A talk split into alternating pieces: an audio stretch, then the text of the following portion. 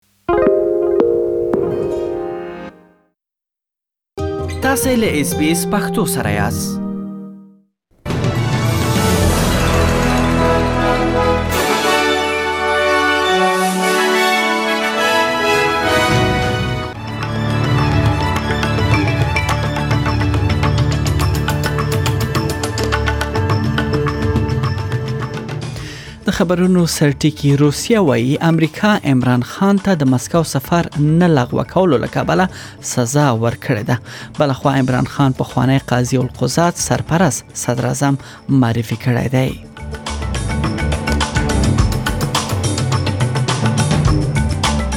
بلخوا د استرالیا دفاع وزیر پیټر ډاټن ټینګار کوي چې استرالیا کولای شي د اټومي ځواک لرونکي سبمرین چې د اوبو لاندې جنگي کښتۍ د لټاکل شوې مودې څخه لا د مخه ترلاسه کړي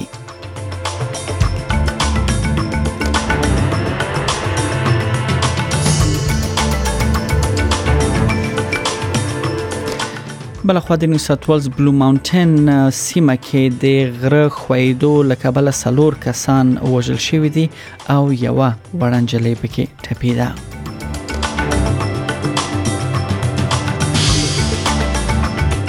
او د ملګرو ملتونو سرمنشي یو شمیر حکومتونه او سوداګر مشران د اقلیم د بدلون په اړه د اقداماتو په اړه په دروغ په دروغ باندې تورن کړی دی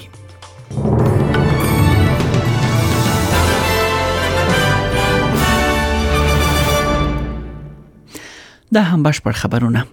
د روسیې بهرنیو چارو وزارت وایي په تیره فبرورۍ میاشت کې چې د پاکستان لومړي وزیر عمران خان د مسکو سفر ته چمتووالی کاوه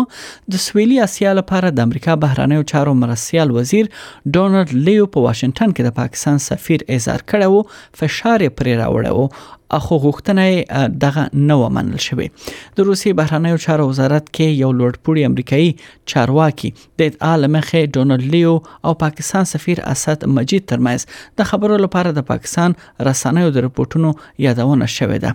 بل خو روسیا وایي چې امریکا عمران خان ته د مسکو سفر نه لغوه کولو لکبله سزا ورکړه د روسیې بهرنیو چارو وزارت په وینا لدی وروسته وضعیت ثابتوي چې امریکا نامنله عمران خان ته د سزا ورکولو پریکړه وکړه او د لومړي وزیر ځینې ګوندونه ملګري ناڅاپه اپوزیسیون ته لاړل او همداسې ناڅاپه د لومړي وزیر پر ضد د نه باور تحریک رامنځته شو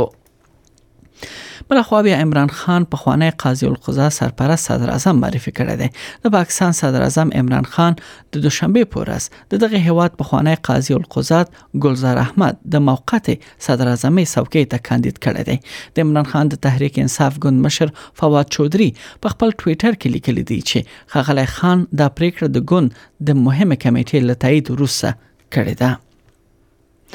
را به شو استرالیا ته د دفاع وزیر پیټر ډاټن ټینګار کوي چې استرالیا کولای شي د اټومي ځواک لرونکي سبمرین دو چې د اوبو لاندې جنگي کښتۍ ده لټاکل شوی مودې څخه مخکې ترلاسه کړي له دې وړاندې 2040 م کال د اټومي ځواک لرونکي سبمرینونو د سپارلو مهالويش یعنی ترلاسه کولو لپاره وړاندیز شوی وو مګر تیر میاشت د تفسیرو په تعقیب سره خغلی ډاټن و شبکې ته ویل چې دوی د متحده ایالاتو او انګلستان په مرسته دا پروسه ګړندۍ کولای شي I, I, well, we've got uh, you know a pretty good arrangement with the US and the UK at the moment. I met with Admiral Aquilino, who's in Australia, uh, out from Honolulu last uh, Friday week, and uh, they're, they're very keen to help us. They, they understand the situation here in the Indo Pacific, and I think we can condense the timeline of delivery. ښاغلی ډاټن وایي لا ډیر جزئیات به د روان کال په وروستیو کې څرګند شي دا په داسې حال کې ده چې د استرالیا ورځپاڼې راپور ورکړی دی چې ښاغلی ډاټن به نن د استرالیا د جنگي الوتکو لپاره د اوګد واټن وشتونکو توغندیو ګړندې استملاک اعلان کړي استرالیا به دا توغندي تر 2023 کال پورې ترلاسه کړي او په ورته وخت کې به د استرالیا ځینې سمندري کښتۍ د ناروې لخوا جوړ شوی نوي بحري توغندیو سره هم د سمبال شي بله خوا د سود نرخ تمه نه کیږي چې له اوسنۍ کچې څخه په استرالیا کې بدلون ومومي نن د استرالیا د ریزرو بانک بورډ غونډه کوي د نقدو پیسو نرخ لا هم د خپل تاریخي ټیټه کچې یعنی 0.1 سلنه کې دی د بانک والی فلیپ لو ومنله چې سږ کال د سود نرخ لوړوالی ممکن نه دی او وايي بورډ به صبر وکړي همدارنګه نن د ان زی بانک رای مورګن د مصرف د مصرف کونکو باور سروې هم نن خبرېږي دا سروې د 13 اونۍ فدرالي بودجې راهیسې لومړي ځل لپاره د استرالیا اقتصادي وضعیت ارزونه کوي د مصرف کونکو باور د کورنۍ راتلونکو لګښتونو ته اشاره کوي ولې په ورسته اونیو کې د 13 میاشتو راهیسې دا لومړی ځل دی چې استرالیان لږه پیسې مصرفوي د استرالیا نیو ساوت ویلز ایالت کې د یو پلار او زوی جسدونه چې په بلو ماونټین غرونو کې د ځمکې خویدو کې دوی مړ شوي وو په نیو ساوت ویلز ایالت کې د عملې لخوا ترلاسه شول پولیس سایدوي چې دا دواړه د یوې پنځه کسیزې کورنۍ برخه ول چې له برتانیا څخه رخصتې په محل کې دوی یعنی استرالیا ته راغلي ول او دلته په غرونو کې قدم واخه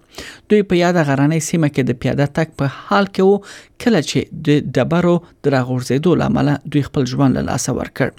نه کلن هلک او نه سلويخ کلن سړی په وینټورډ پاس کې د پیښې په ځای کې د غوي مړی موندل شوې دي یو 50 کلن خزه او 14 کلن هلک په روختون کې پاتې دي او چیرې چې دوی په جدي حالت کې دي د کورنۍ پنځم غړی یو 15 کلنه نجلۍ ده چې له پیښې ژوندۍ راوتلې ده او دا مهال شاک لوجه درملنه ترلاسه کوي د ملګرو ملتونو سرمنشي یو شمیر حکومتونه او سوداګرۍ مشران د اقلیم د بدلون په اړه د اقداماتو په اړه په دروغ تورن کړی دی د یو ان د اقلیم ساينس ادارې لخوا یو لوی راپور چې د اقلیم د بدلون په اړه یعنی خبر شوی دی وای نړیوال اخراج د 2015 کال د پاریس په تړون کې منل شوی حدودو څخه تیریږي معنا دا چې د پاریس تړون ژمنو ته دغه یعنی هیڅوک نه دی ژمن شوی او یا ژمن نه دی پاتې شوی د همدې پیړې تر پایه همدغه حالت کې چیرې روان وي نو د تودوخه درجه به 3.2 ته ورسیږي راپور وایي یوازې په دې لسیزه کې د ټولو سکتورونو څخه اقلیم پر وړاندې د مزرک غازو لوګیو او نور اخراج شدید کمښت کولای شي شایان بدل کړي په دې کې د فوسل تیلو کارولو کمښت د ځنګلونو وده او لږه غوښه خوړل شامل دي د ملګرو ملتونو سرمنشي انټونیو ګوتریس وویل په دې مسله کې د ځینو مشرانو دوه مخه سیاست به سخت پایلې ولري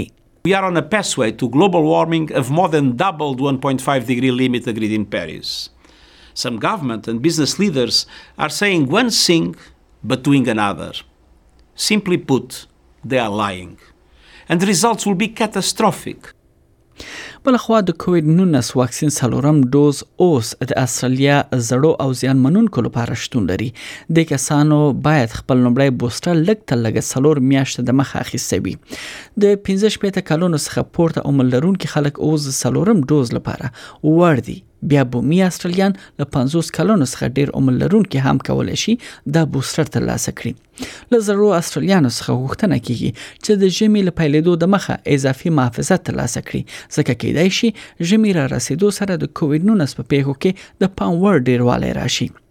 ډاکټر شارلټ هیسپ وړاندیز کوي چې زاړه استرالیان دوهم بوستر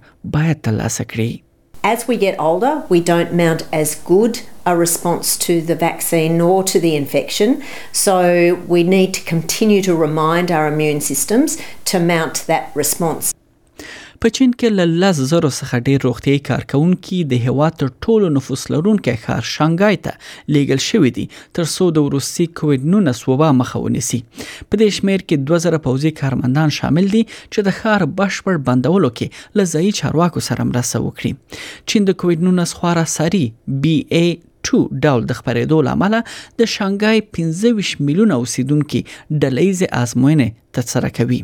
د چین د کمونست ګوند په یاد هیواد کې د هیڅ کووډ 19 کومې پیښې رامنځته کېدو پالیسی لري او همدا وجه ده چې د کورونا وایرس محدودیتونه په یاد هیواد کې ډیر سخت دي بلخوا استرالیا په روسیې د اوکراین د برید په خبرګون کې نور بندیزونه ولګول او د عیش او عشرت د توکو لکه د خالص نسل اسونه ټرفونه او شراب پر صادراتو یې بندیز ولاګوه دا دا یو ورځ له هغه وروسته کیږي چې په استرالیا کې د اوکراین سفیر واسل مریشینکو هیوا ته د تلو روسي توکو د ننوتلو د بندیز غوښتنه وکړه په نو بندیزونو کې له تمباکو څخه تر سرمن او د موسیقي وسایلو پورې هر څه شامل دي او د المونیم په قانون باندې د موجوده صادراتو بندیز هم یو له مهمو ګڼل کیږي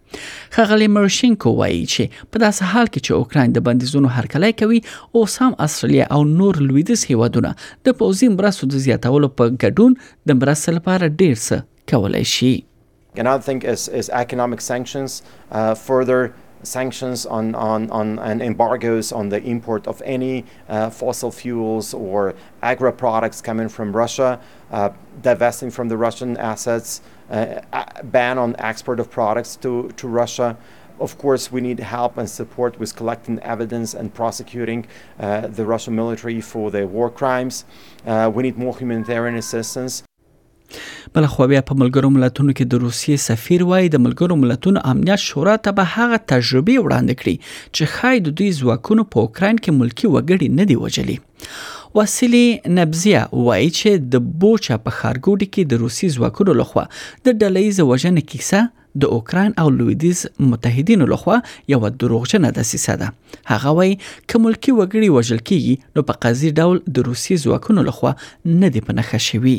This is a warfare, and in warfare anything happens, and you cannot you can you cannot exclude that uh, civilians are dying in a war, uh, and th that is a sad fact, fact of life. But uh, the footage that we are being presented with, in particular in Bucha, on, on which uh, I, I, spoke, do not, uh, does not give us any doubt that that was a stage.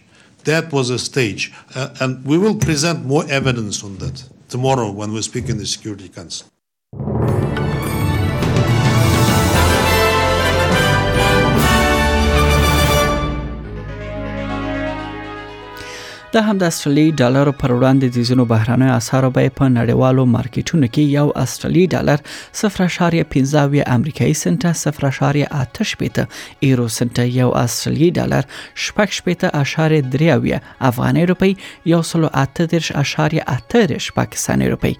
یو استرالیي ډالر شپږ پنځوس اشارې دوه نوي هندۍ روپۍ دوه اشارې شپږ اویا اماراتي درهم او صفر اشارې اووه پنځوس انګلیسي پنسه ارزښت لري د هم د استرالیا د ځینو ښارونو نن لپاره د تودوخه تر ټولو لوړه درجه هغه هم د سانتیګریډ په کچه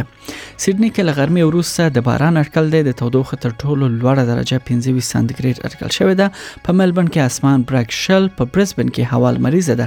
دیش په پرت کې هوا مریضه شپږويش په اډلېټ کې هوا باراني ده درویش په هوبر کې هوا باراني ده ولس په کمبيرا کې هوا مریضه ده